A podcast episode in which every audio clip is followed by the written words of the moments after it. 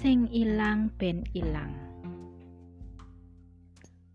Saumpamane ngerti isine atiku ra bakalan kuwi ngilang. Kaya pedhut kang kasaput srengenge kaya bun netes sio-sio ing lemah garing.